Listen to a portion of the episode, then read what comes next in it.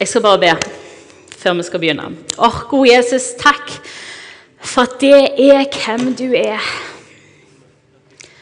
Du som ikke har noen som er lik deg, Jesus.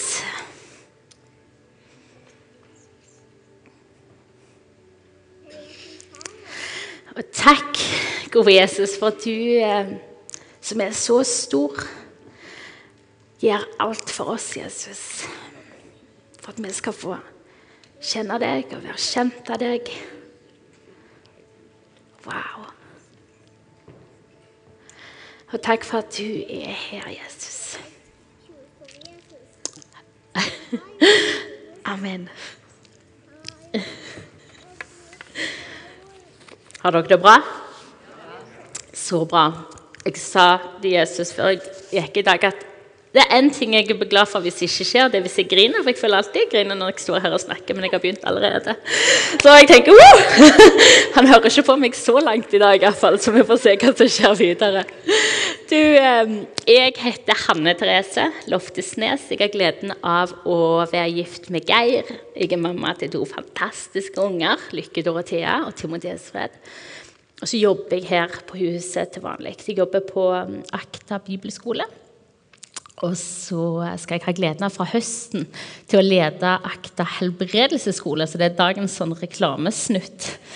At hvis du har lyst til å lære mer om helbredelse, lurer på hva dette her er, har lyst til å ha både mer teori, men også masse praksis på dette her, og bli mer frimodige på hva det vil si å leve i det, leve stadig mer ifra hva Jesus har kalt oss til på det, så må du søke og være med på det. For det tror jeg blir steinbra. Um, ja. Og så, så Jeg jobber til vanlig her, men så er det sånn at jeg har vært eh, åtte uker på tur med min familie. Og Vi kom hjem på onsdag. og når Elling spurte før vi reiste om jeg var klar til å tale på søndag, tenkte jeg det er ikke noe problem. Dere tar meg med jetlag og alt, gjør dere ikke det? Jo, det er så fint. Det er sånn familie. Nei, men um, det tenkte jeg det er et privilegium når jeg har fått vært vekke. En god stund, så har jeg savna dere. Så det å få komme tilbake igjen og, og, dele noe av det som jeg opplever Gud har talt til meg mens jeg har vært vekke, det er um, det, det, er akkurat det, det familie det oppleves som. Um, og så um, er det sånn at når jeg, jeg kan først si at Der vi har vært, Geir og jeg, og Lykke Dorothea og Timoteus Fred Først var vi ei uke på Kanariøyene med mamma og pappa. Søstera mi og mann og barn, og det var deilig. Og så var vi syv uker i Nord-California, en ikke veldig stor by eh, som heter Redding. Som jeg vet mange av dere både har vært i og hørt om. Og Det var en by vi valgte at her skal vi være i syv uker i permisjon, fordi at dette her er et godt sted å være rent sånn praktisk. Det er vakkert der, det er godt vær der. Det er enkelt å ha med ungene der. Men så er det òg det at der har vi noen gode venner og spesielt en menighet som heter Bethel, hvor vi opplever at hver gang vi er der, så får vi enda mer tro på hvem Gud er, og at han kan gjøre store ting. Så vi tenkte at det er et godt utgangspunkt for å være i syv uker og bli litt påvirka av å tro på en Gud som er enda større enn det vi tenker at han er, eh, og ta det med tilbake igjen her.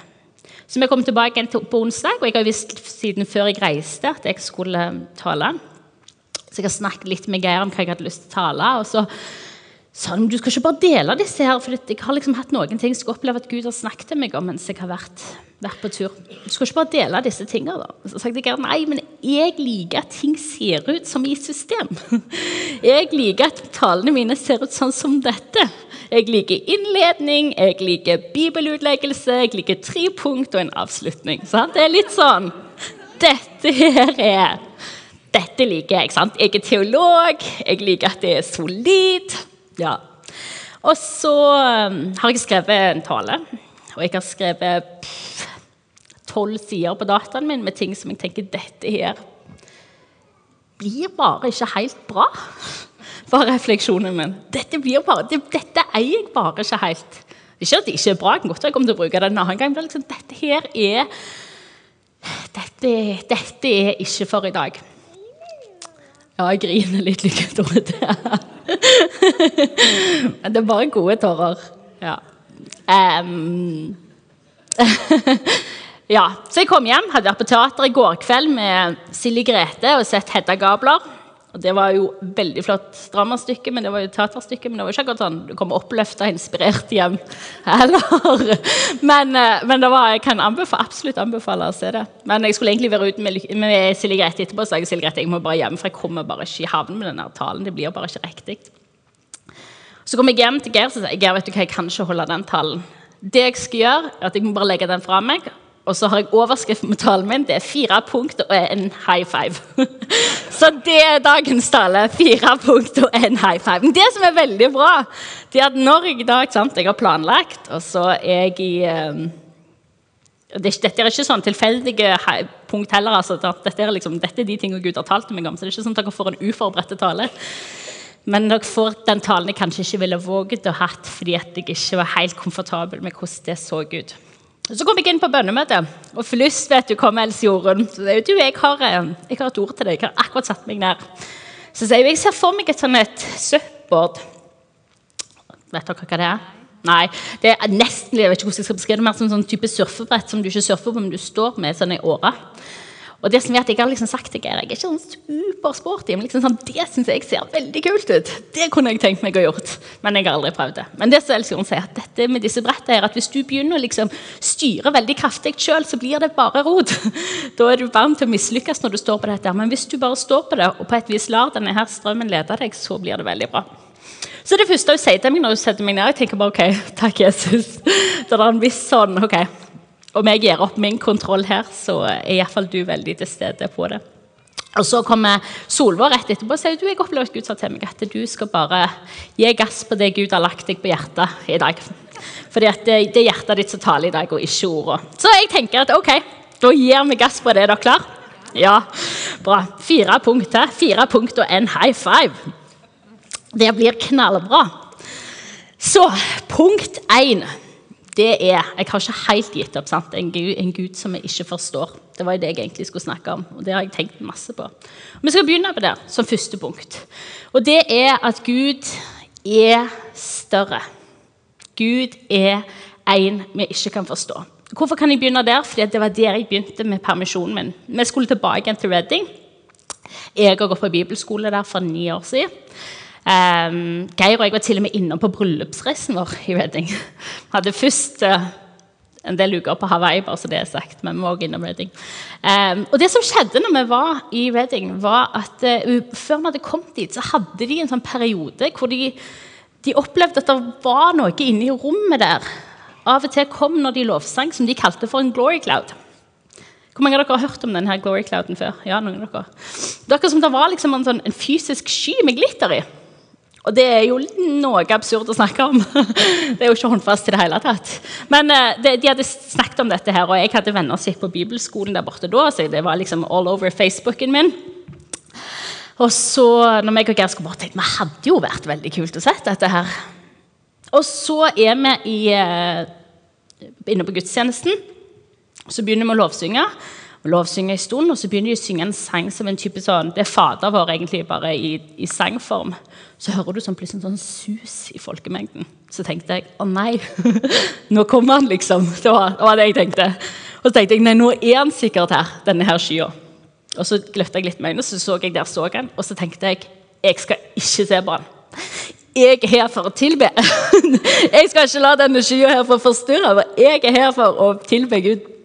Så framme var jeg. Og så mens jeg sto der, så tenkte jeg opplevde jeg bare at Gud Nå har jeg mista noen av de norske ordene, litt sånn conviction. litt sånn, liksom, Gud var litt sånn men Ta deg sammen, Andrese. Hvis jeg har valgt meg å vise meg på dette viset, kan ikke du bare liksom Kan du glede deg litt over det?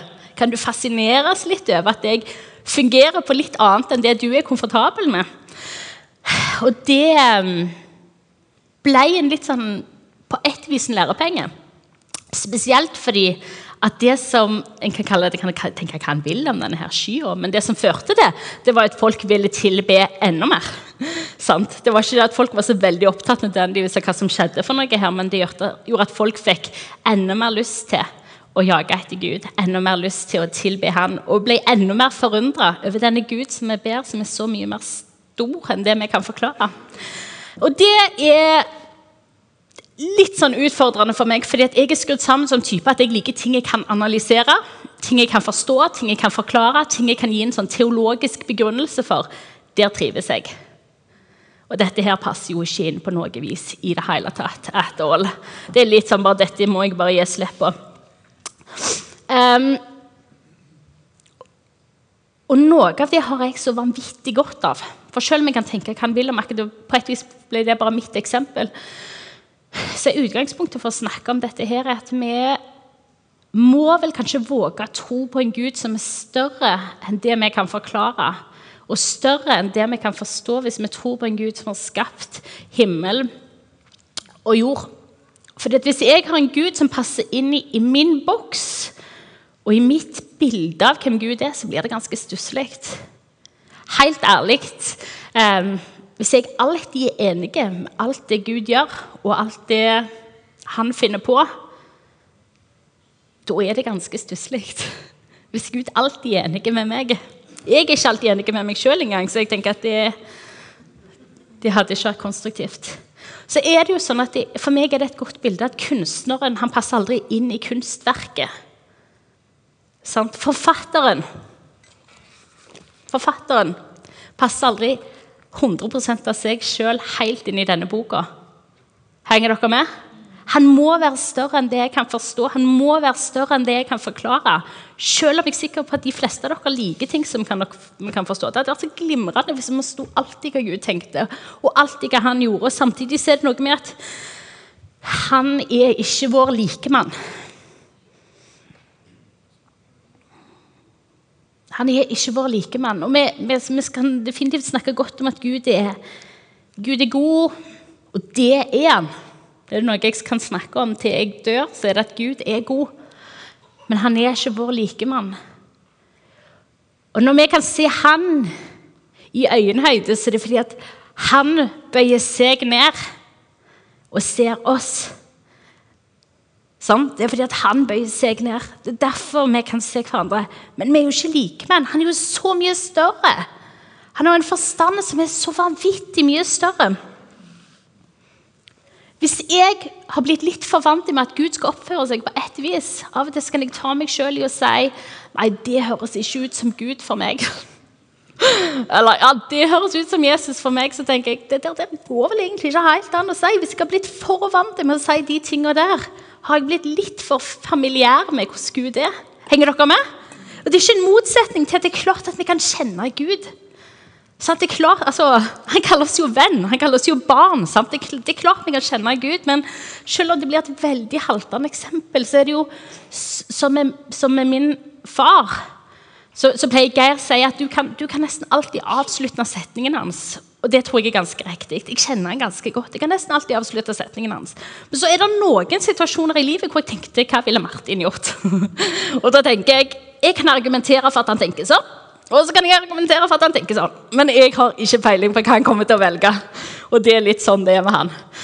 Eh, og, så tenker jeg, og hvis det er sånn med, med, med min pappa, så er det vel i hvert fall sånn med Gud at ganske ofte så kan vi tenke dette er hvem du er, Gud, fordi at jeg kjenner deg, jeg har lest om deg og jeg har erfart deg. Men jeg kan ikke alltid være skråsikker på at du passer inn i denne boksen her. Henger dere med? Og jeg tror bare vi, vi, vi trenger å liksom sprenge litt den boksen. At Gud, du er større. Og så trenger ikke det se ut som sant, jeg vet om jeg, Ikke snakk om glory clouds her, liksom. Vær så snill. Tenker, det trenger ikke se ut som det. På den andre sida kan det se ut som altså Jeg er over gjennomsnittet opptatt av helbredelse. Og det er en krevende materie å ta i. Og jeg elsker å snakke om det, men jeg forstår det ikke.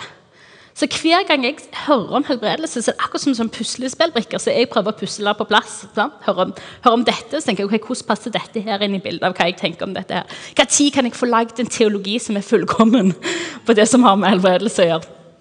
Og så Av og til så føler jeg at jeg har fått den på plass, og så må jeg ta ned en, så jeg, nei, passer ikke der heller, jeg må legge den oppi her. Og Vi er vanvittig frimodige på helbredelse her, og det elsker jeg at vi er. For vi vet at Gud kan, og vi vet at Gud vil, og det mener vi at vi har veldig sånn, godt teologisk grunnlag for å mene. Men så er det en del store spørsmål som vi ikke har svar på. Gud, hvorfor i alle dager blir ikke alle helbreda? Gud, Hvorfor i alle dager ser det sånn ut? Gud, hvorfor er det noen som må leve med sykdommen sin? Gud, hvorfor er det noen som må dø med sykdommen sin? Og så har han en del av de spørsmålene, og så, og så kan det føre til at han tenker vet du hva, men jeg forstår ikke dette her, så derfor så bare lukker jeg det igjen. Og så tenker jeg at Gud, det vil ikke du ha noe med å gjøre. Og så mister vi litt sånn superviktige sider av hvem Gud er. Og så vet vi at Gud fortsatt, selv om alle disse spørsmålene som vi ikke forstår, så tror vi fortsatt at Gud kan og Gud vil, og at Gud er god. Og så kan vi fortsatt komme til Han med alle spørsmålene på hvorfor det ikke skjer. Um, men vi skal ikke prøve oss på å gi billige svar på disse store spørsmålene. Men vi kan få lov til å komme til Han med dem og si Gud, du er større enn dette her, og du forstår dette her. Jeg forstår det ikke. Kan du hjelpe oss? Så at Gud er større. Gud er større i de store, fantastiske, glorious situasjonene som vi elsker. Og Gud er større i de krevende situasjonene. Og det er der vi får lov til å, å være i. At i alle livets oppturer og nedturer så er han større. Og så er han til stede med sin allmakt. Og med sin forstand, som definitivt overgår vår forstand. Vi skal lese fra Jesaja 55. Der står det For mine tanker er ikke deres tanker, og deres veier er ikke mine veier, sier Herren. Som himmelen er høyt over jorden, slik er mine veier høyt over deres veier, og mine tanker er høyt over deres tanker.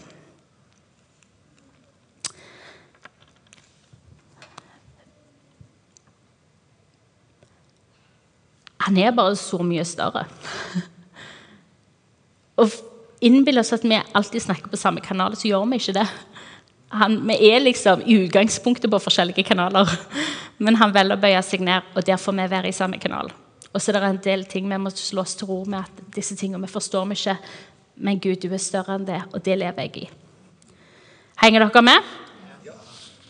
Så det jeg tror vi trenger, at vi trenger forstand til å forstå at Gud er ubegripelig.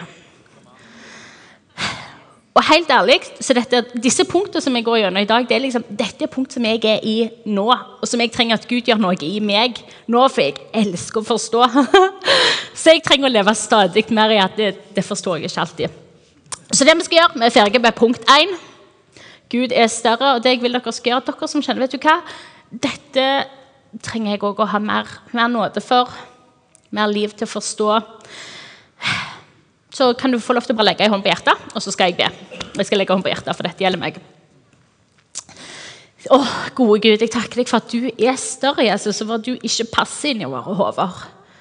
Takk, gode Jesus, for at du er den som sprenger våre rammer og sprenger våre bokser. Jesus, og jeg ber om at du skal fortsette å sprenge dem, sånn at vi stadig kan bli overraska over hvem du er, og hva du velger å gjøre. Takk, Jesus, for at du gir oss forstand til å forstå at du er ubegripelig. Amen. Punkt to. Gud som mester. Vi skal begynne å lese bibelvers. Kan dere, kanskje dere lese sammen med meg når det er så mye sex? Det er så mye kjekkere. Vi leser fra Lukas 5, en gang sto Jesus ved Genesaretsjøen, og folk trengte seg inn på ham for å høre Guds ord. Da fikk han se to båter som lå ved stranden. Fiskerne var gått ut av dem og holdt på å skylle garn. Jesus steg opp i en av båtene, den som tilhørte Simon, og ba ham legge litt ut fra land. Så satte han seg og underviste folkemengden fra båten. Da han var ferdig med å tale, sa han til Simon.: Legg ut på dypet og sett garn til fangst. Mester, svarte Simon, vi har strevd hele natten og ikke fått noe, men på ditt ord vil jeg sette garn. Så gjorde de det og fikk så mye fisk at garnet holdt på å revne. De ga tegn til arbeidslaget i den andre båten at de skulle komme og ta i med dem. Og da de kom, fulgte de begge båtene, så de var nær ved å synke. Da Simon Peter så det, kastet han seg ned for Jesu føtter og sa, 'Gå fra meg, Herre, for jeg er en syndig mann.' For han og alle som var med ham, ble grepet av forferdelse over den fangsten de hadde fått. På samme måte var det med Sebedeus' sønnene Jakob og Johannes som fisket sammen med Simon. Men Jesus sa til Simon, 'Vær ikke redd. Fra nå av skal du fange mennesker.' Så rodde de båten, nei, båten i land, forlot alt og fulgte ham. Jeg elsker denne historien her på så mange vis. Det er liksom, Du har det i øyenfallene. Sant? At Jesus han møter de som skal bli sine disipler, på deres hjemmebane. De er i sitt element. De er i sine fiskebåter, de er med sine fiskegarn. Og der kommer han og er i lag med dem. Han er kommet og er i lag med dem når de ikke har lykkes. De har fiska hele natta, de har ikke fått noen ting. Helt tomme garn. De er trøtte. Jesus vil opp i båten deres. De lar han få lov til det. De er motløse, og kanskje de er bitte litt oppgitte på han her snekkeren som vil være fiskeekspert. Tenk, kanskje at de tenker at dette vet vi litt bedre enn det du gjør. Men um, når han kommer og sier 'prøv en gang til', så sier Simon det som er nøkkelordet. 'Mester, vi har strevd hele natta, og vi har ikke fått noen ting.' 'Men på ditt ord skal vi sette garn.' Med andre ord så sier han dette har ikke jeg noe tro på. Dette her har jeg holdt på med lenge nå. Og det du ber meg om å gjøre nå, det er å sette garn på et tidspunkt hvor det ikke er fisk å få fatt i. Dette er en dårlig idé. Jeg vil kanskje hjem og sove heller, for jeg har holdt på med noe ganske lenge. Men fordi du sier det. Fordi du sier det, så skal jeg gjøre det. Og så kjenner vi resultatet. Sant? Resultatet er at liksom, En gang de slipper garnet ned, så er det så vanvittig mye fisk at de er nødt til å ha flere båter. Og båtene blir så fulle at de nesten synker. Så fulle er de. Så mye fisk er der. Det står liksom at de blir forferda for så mye fisk. Det sier noe om at det, det er en unormal respons på den handlingen de akkurat har gjort. Og så har du denne avslutningen så rodde de båten i land, forlot alt og fulgte han. Mester, sier Simon, på ditt ord så skal jeg gjøre det. På ditt ord.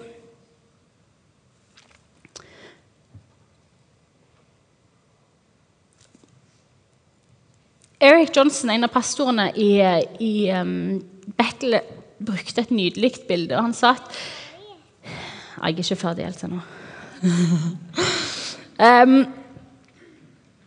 hvis han ikke er din mester og går foran deg, så følger du ikke etter han. Det er fint hvis Gud, Jesus og Den hellige ånd, går bak deg og går ved siden av deg. Men du trenger en Gud som går foran deg. Du trenger en Gud som er mester, og som er herre. For vi er jo kalt til å være etterfølgere, sant? Nei? Jo, vi er kalt til å være etterfølgere. Sant? Det er det vi sier vi er. Og det betyr at vi følger etter noen. Noen som har kommet litt lenger på veien enn det vi har. Å ha en mester betyr å ha en annen som sitter i førersetet. Som av og til ber deg om å gjøre litt ubehagelige ting, kanskje. Ting som du kanskje ikke i utgangspunktet ville valgt sjøl å gjøre. Ting som kanskje for deg virker ulogiske, men som du velger å gjøre fordi at han er mester. Som Simon gjør med, med fiskegarnet. 'Dette gir ikke mening. Dette tror jeg at jeg vet bedre enn deg.' Men fordi at du sier det, så skal jeg gjøre det. Og vi er nødt til å sikre oss at Jesus og Gud Den hellige ånd Geir mener av og til at jeg snakker veldig mye om Jesus og ikke så mye om Gud Den hellige ånd. Men jeg mener alle tre. mener alle tre. Vi trenger at de er mester i våre liv. At vi både gir dem rom til å tale, at vi faktisk hører på dem. Tar oss tid til å høre hva de mener om de forskjellige situasjonene. Og når de taler, at vi faktisk handler på det. For vi tror jo på en Gud som kan tale til oss, og som vil lede oss. I dag òg. Heldigvis. Og Det er jo det vi ser på disiplene. sant? At De følger etter Jesus, òg når det virker ulogisk og når det virker ukomfortabelt. Og så er jo sannheten at I hele Bibelen så er det fullt av historier av folk som gjør litt sånn ulogiske, tidvis ukomfortable, ubegripelige ting fordi at Gud har bedt dem om å gjøre det. Og jeg tror ikke at det har slutta nå. Jeg tror ikke at det er sånn at etter vi kom til 2018, så slutta han med det. Jeg tror Gud fortsatt gjør det, fordi han fungerer på et annet vis. Vi har akkurat snakket om at Gud er større. Han fungerer på et annet vis. Av og til så ber han oss om å gjøre ting som ikke gir mening for oss, men de gir mening for han. Og da er det vårt privilegium å si Gud, ok, fordi at du sier det, så gjør jeg det. Og så er det et artig tankeeksperiment. For dette, dette er jo en litt sånn glanshistorie. da, sant? De gjør det, og så får de vanvittig mye fisk. Men det kan jo hende av og til at Gud ber oss om å gjøre ting, og så ser vi ikke det synlige resultatet med en gang. Vil vi gjøre det for det? Fordi om vi ikke umiddelbart ser all fisken i båten med en gang, vil man likevel tenke OK, Gud, jeg følger deg til tross for synlige frukter, for dette her har du talt om. Vil vi det? Å ha en mester, det er for meg litt sånn OK. Um, når jeg er uenig med det han sier, eller når jeg er uenig med det som står her For det hender av og til at jeg leser ting her så jeg tenker dette gjør meg litt ukomfortabel, dette her er jeg ikke helt enig i. Så har jeg valgt å ha en mester som betyr at jeg ber ikke han om å justere seg, men jeg finner ut av hvor jeg trenger å justere meg. Fordi at jeg har sagt at det er han jeg følger etter. Og han er fortsatt større enn meg. Et helt sånn elementært eksempel for min del. Jeg har allerede snakket litt om at jeg er over gjennomsnittet opptatt av helbredelse. Det begynte egentlig med at jeg eh, ikke var det. ja, jeg var ikke, hadde ikke sånn veldig forhold til det, men bare for syke her, og det var veldig fint. Og så var det en kar på besøk her som da bodde i England, og nå bor han i rett her oppe. En, en flott kar som heter Sam, som fortalte at han var ute på gatene bare for syke. Eh, og Så snakket jeg litt med han, så sa jeg Sam, dette her er for meg, dette høres ut som Jehovas vitner. Hvorfor gjør du dette? Og så sa Sam eh, ja, men det står jo i Bibelen Andres, at vi skal be for syke. Så det akkurat som der, det var liksom sånn, Dette her er et sånn aha-øyeblikk for meg. Det var litt sånn Gud, du Nei, Gud, ja. ja så galt er det ikke. Sam, du lever som du faktisk tror på dette her. Og når Gud har gitt deg en utfordring på dette, her, så tar du den. Og det traff meg skikkelig. Og Det trenger ikke se likt ut for alle, men for meg var det sånn. For jeg er litt sånn en bokorm.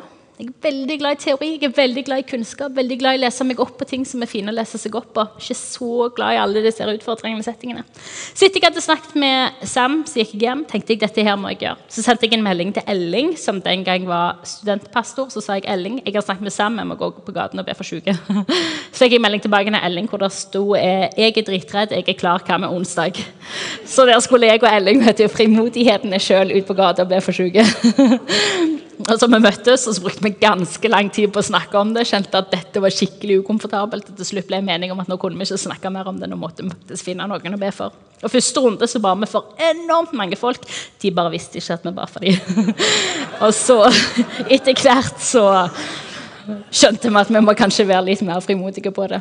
Um, og så heldigvis har det blitt eh, både visdom og mange mange, mange fantastiske både historier og erfaringer pga. folk har fått et møte med Jesus pga. at eh, vi har kommet oss litt ut av dette her bygget.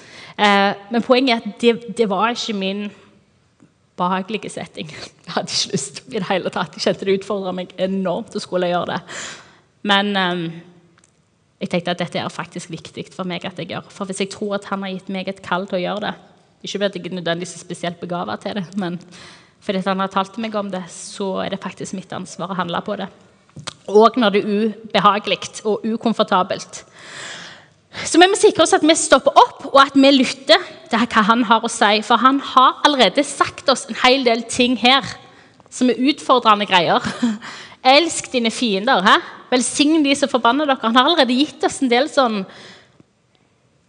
retningslinjer for livet som vi har godt av å si ok, Gud, du sa ikke det bare fordi det hørtes fint ut, men fordi du ville vi skulle leve det. Så, og vi trenger å stoppe opp. Og så er det viktig for meg å si det jeg avslutter dette punktet, at Gud han vil ikke være mester i ditt liv fordi han er maktsyk. altså, vi snakker om han som er allmektig. Han har allerede all makt. Men han vil være din mester fordi det er det beste for ditt liv og for mitt liv. Og han vil at vi skal følge etter ham, for det, det, er det beste for oss. Og så er det jo også sånn at det betyr noe for ham, mer enn at han trenger makt, for det gjør han ikke. Så betyr det noe for ham. Din overgivelse betyr noe for han.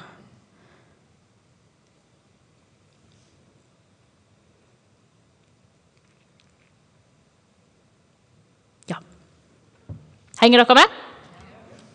Vi trenger en Gud som er mester òg. Og vi har, jo, vi har, jo, fantastiske eksempler her. Denne, nå ga jeg bare mitt eksempel, men her i denne salen om folk som har valgt å si Gud, jeg følger deg der som, der som du går. Så det kunne vært så mange historier. Men, men for meg så dette er ting som alle disse punkter, ting som er viktige for meg. at Når meg og Geir snakket om dette, så er det sånn wow, vi trenger å raise the bar på hvordan dette her ser ut hos oss. Vi kan ikke være fornøyde med, med standarden på hvordan Altså, ja, ja, jeg tror at vi lar oss utfordre på hvordan vi bruker tida vår, på hvordan vi bruker pengene våre. Men, men, Gud, vi har lyst til at du skal være enda tydeligere mester i våre liv. Det betyr at vi er nødt til å gi rom for at det skal skje. Så vi skal be. Er dere klare? Så hvis du er her inne og kjenner at du enten trenger å gi Jesus førersetet sånn helt tilbake, eller hvis du tenker Gud, jeg trenger å Den der amerikanske, vet du, raise the bar. Sette standarden enda høyere i positiv forstand. Gud, jeg vil ha deg enda tydeligere som leder og mester i livet mitt. Du kan legge hånda på hjertet, og så ber vi. Gode Jesus, takk for at du er den beste mesteren og den beste å følge etter. For et privilegium det er å få lov til å følge etter deg, Jesus. For jeg har lyst til å si, som alle de som er her inne, som har lagt hendene på hjertet, at vi vil at du skal være i førersetet. Vi vil lytte til deg, og vi vil bli utfordra av deg, og vi vil våge å gå i og gjøre ting som kan oppleves ukomfortabelt og ubehagelig, Jesus, fordi at du Du har bedt oss om å gjøre det, og du mener at det er det beste å gjøre. Jeg takker deg, Jesus, for at når du leder, så gir du oss det vi trenger for å gå der som du ber oss om å gå. Amen. Om noen vet hvor lenge jeg har holdt på?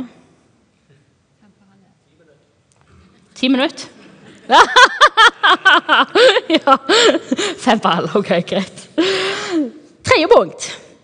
Håp. Dette er mitt ord for sesongen. Håp. Som sagt, jeg er litt sånn eh, realist som type. Og håp det er et ord som jeg ikke helt klart å på et vis fange i hodet mitt jeg tror det er litt fordi at jeg, ofte når jeg hører om håp, så er jeg litt redd for at vi skal havne over i denne sånn herlighetsteologi. jeg er redd for ting som ikke holder vann. Litt sånn, Hva håper jeg nå? Lover jeg noe på Guds vegne når jeg håper på noe? Hva er egentlig håp? Og så opplever jeg at Gud har, mens jeg har vært i Redning, at Gud har talt så tydelig til meg om at håp er nøkkelen for livet vårt. At Jesus er nøkkelen for livet vårt. Misforstå meg riktig. Jeg bruker bare store ord for å fortelle at dette er viktig. Og så leser vi Hebreerne 11,1.: Troen er et pant eh, på det vi håper. Et bevis på det vi ikke ser. Vi er kalt til å ha håp, til å bære håp og til å eie håp. Ikke fordi at jeg besitter så veldig mye håp, men fordi at jeg kjenner Han som er håpet. Han som er håpet i alle områder av livet mitt. Så for meg Jeg har fått meg et smykke. Der står 'Hope' på. For at jeg skal både huske at dette er jeg nødt til å holde høyt oppe i mitt eget liv. Dette vil jeg bruke mer tid på å sette meg inn i. Dette vil jeg eh, skal gi mer liv til meg.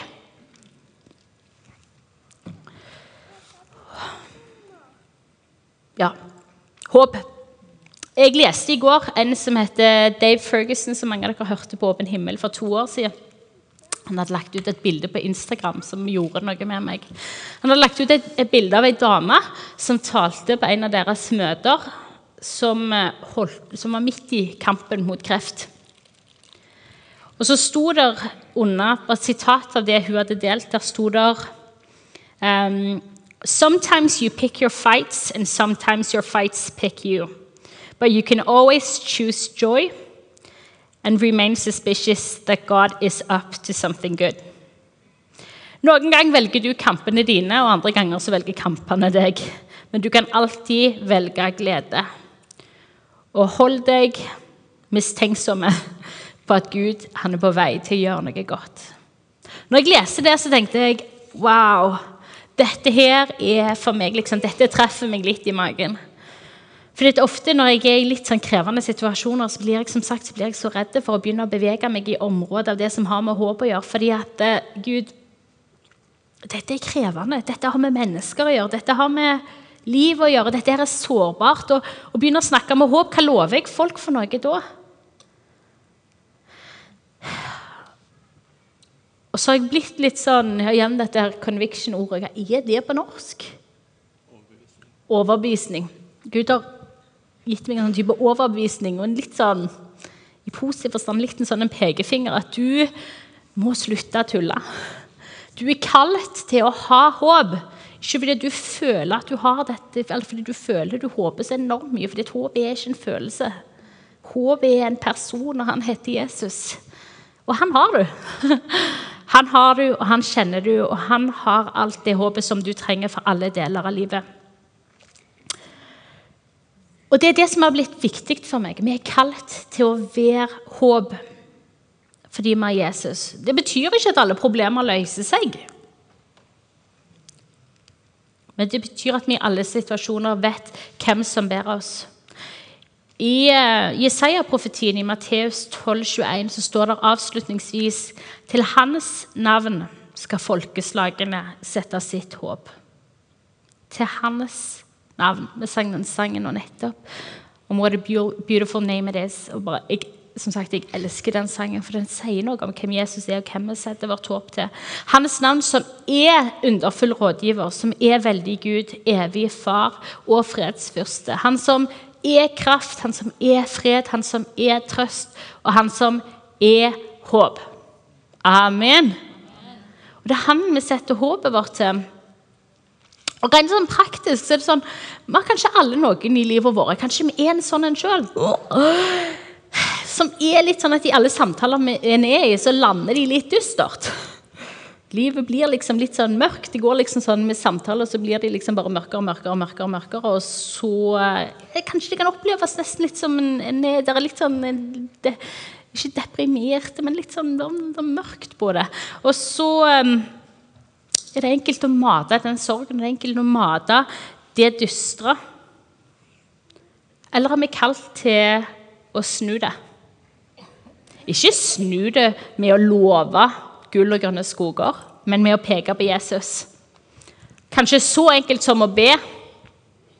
Du, dette her høres krevende ut. Kan jeg be for det? Kan vi få Guds perspektiv på dette her? Kan vi få Han på banen, han som bringer håp og lys inn i alt?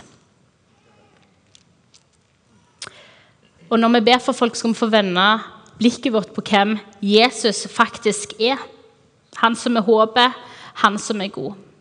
Og Det er faktisk en utfordring for oss når vi snakker om mester liksom, og hva han har kalt oss til. Så han kalt oss til å bære håp.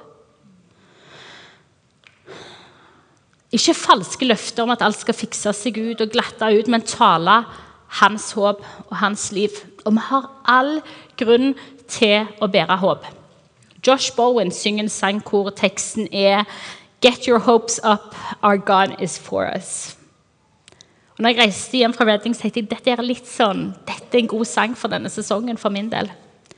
For i det enkle der 'Get your hopes up, our God is for us', så er det faktisk bare det vi trenger. Himlenes Herre er for oss. Vi har all grunn til å håpe. Takk, Anne. Halleluja. Det er helt sant. Han har gitt livet sitt for oss. Det er all verdens grunner for å holde håpet oppe. det er konge. Nå hadde jeg brukt opp tida mi. Det er helt konge. Bra. Så jeg skal avslutte tredje punkt. Hvis du ønsker å være en hoppsperrer i ditt eget liv stadig mer, og i andre sin liv. Så legg hånden opp i hjertet ditt, og så skal vi be. Gode Jesus, jeg takker deg for at vårt håp er i deg. Vårt håp er ikke i omgivelsene våre eller hva gode ideer og gode refleksjoner vi kan gjøre oss, Jesus, men håpet vårt er ut forbi oss sjøl. Derfor kan vi ha håp i alle ting, Jesus, fordi du er håp. Gode Helligånd, jeg ber om at du skal gi oss å være vanvittige håpsbærere i våre egne liv, Jesus. At vi i alle ting skal minne oss på at du er for oss, Jesus. Og at i de gode tingene og i de vonde tingene så er du til stede der, Jesus.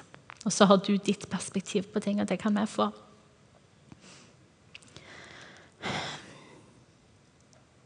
Jesus, så ber jeg om at håp skal bli mer enn bare en sånn luftig idé om et eller annet, men at det skal bli vanvittig håndfast for oss. Fordi at du er håndfast, Jesus. Amen. Jeg er nede i siste punkt. Klarer dere et punkt til? Et punkt og en high five. Siste punkt er det er fullbrakt. Vi feirte jo påske òg når vi var i Reading, og det var jo litt sånn vemodig å ikke være hjemme når det var påske, og spesielt første påskedag. Andre påskedag feirte vi gudstjeneste. Feirte dere gudstjeneste det satt langt inne å ikke være i lag med dere da. altså. Jeg kjente at det, det var et savn å ikke få feire liksom, den største, største dagen i året vårt i lag med dere. Um, men vi fikk være med på en fantastisk langfredagsgudstjeneste i Reading. Det de hadde gjort var at eh, Nesten alle kirkene i byen hadde gått i lag for å lage en stor langfredagsmesse. Um, mellom 80 og 100 kirker var liksom engasjerte involverte og brukte tid der. Og meg og Geir var den eneste gudstjenesten vi fikk liksom gå på i lag der. Ellers bare delte med oss. En var hjemme med ungene, og en var på gudstjeneste. Uh, hvor vi fikk gå i lag. Og det De hadde gjort at de hadde satt et kors i midten, de hadde lovsengere rundt, og så var alle stolene ellers pekte mot korset. Og det var det som var fokus. Det var jo helt naturlig, det, sånn som det skulle være, for det var langfredag. Men det var en fantastisk gudstjeneste hvor vi brukte mesteparten av tida egentlig bare på å lovsynge. Med sanger som fortalte oss om korset og hvem hva pris han har betalt for oss, og hva han har gjort. Um, det var, det var bare en helt nydelig gudstjeneste så var det, eh, det var ikke noe tale eller det var noen refleksjoner over bibelversene som er knytta til, til, langfredag. Men de begynte med noe som de kaller derfor sånn spoken word poets. Som egentlig bare er ordkunstnere. Og Der var det ei dame som het Tinasha, som hadde sånn det, det, går bare ikke an å beskrive. Det var fantastisk! Og jeg prøvde å finne det sånn at jeg kunne vist det her, men de har ikke lagt det ut på nettet, dessverre. Men det var liksom, hun, hun hadde omskrevet hva som skjedde på langfredag, og egentlig evangeliet på en sånn fantastisk måte. Så hadde hun to setninger. Den ene du dikta sjøl, og den andre sa Jesus, som bare ble værende hos meg. Det første hun sa, var eller inni blant annet, var at hun sa A tree got us into this mess, and it took a tree to get us out. Det var et tre som fikk oss opp i dette rotet i utgangspunktet. Det tok et tre for å få oss ut. Det kjente jeg bare at dette her er Dette gjør noe med meg. Og så avslutter hun med It is finished. It is finished. Og Det har surra i hodet mitt siden. Og det er litt sånn rart, for hvorfor i alle dager har det det? Dette har jeg jo hørt siden Jeg skulle til å si tidenes morgen, men min tidenes morgen. Så dette har jeg jo hørt så mange ganger. Det er fullbrakt. Men det var som når jeg sto der og så det korset, så tenkte jeg det er ferdig. Og så tenkte jeg bare Gud, hva tenkte du sjøl på når du sa dette her? Tenkte du nå er smerten min ferdig? Nå er oppdraget mitt ferdig? Nå er offeret mitt ferdig. Hva, hva, var det du tenkte på når du sa det? Så slo det meg at når han sa det og nå vet Jeg liksom, jeg foregriper anledningen litt, fordi det er langfredag, det er ikke første påskedag, men han sa det på langfredag. Jeg tenkte, Når han sa 'det er ferdig', så betydde 'oss, for nå begynner det'.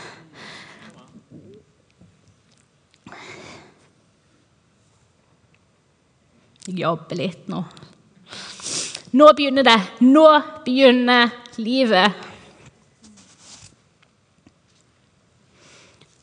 Nå begynner relasjonen med kna med Gud.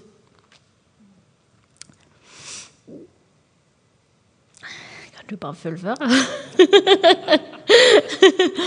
Nå kan vi syndige mennesker omvende oss og få være venner med Gud.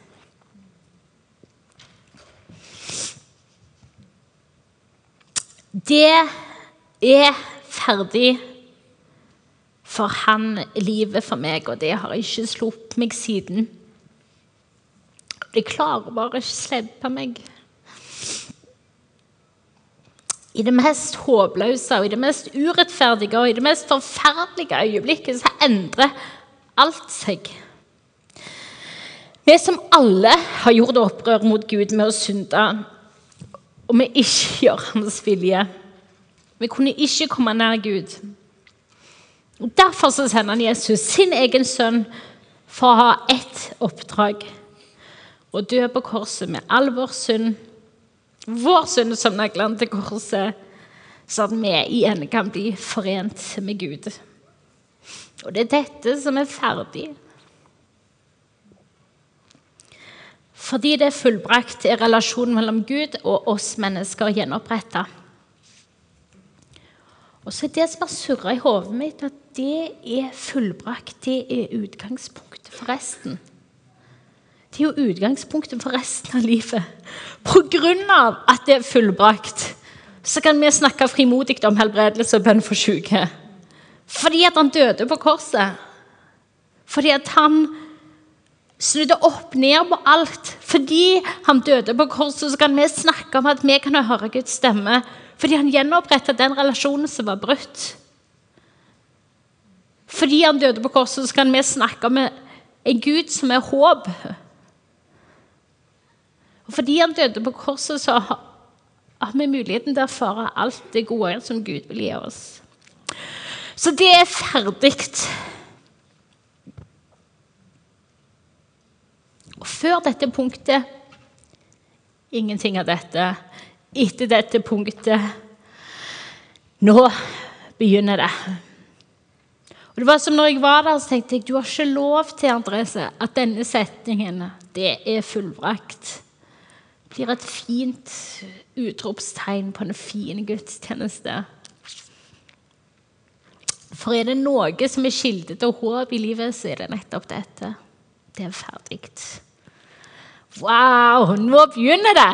Kom an! Dere syns det er like stas som jeg gjør. Ja, nå begynner det. Vi skal be. Vi skal be. Hvis du er her inne og kjenner Vet du hva? Jeg trenger å forstå enda mer av hva det vil si at det er fullbrakt. Både hva Gud har sagt, hva han har gjort, hva det vil si at han har gjenopprettet den relasjonen, hva det vil si at jeg som var synder og atskilt fra Gud nå kan være hans venn, hans barn og hans etterfølger. Men òg du som tenker vet du hva, jeg trenger å forstå hva konsekvenser det er fullbrakt har for mitt liv. Du kan legge hånda på hjertet ditt, og så skal vi be. Gode Jesus, jeg takker deg for at det er fullbrakt. Jeg takker deg for at du gjorde alt. Alt, Jesus. Og jeg får takke deg for at i det så begynner resten av livet for oss, Jesus. Jeg takker på at alt vårt liv springer ut fra din død og din oppstandelse.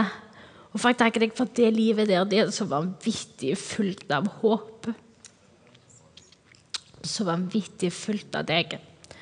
Og Jesus, jeg ber om du skal åpenbare stadig mer hva det vil si. Hva det vil si for oss at det er fullbrakt.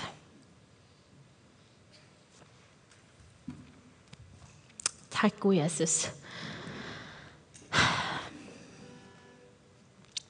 Amen. Fire punkt. Er dere klare for high fiven min?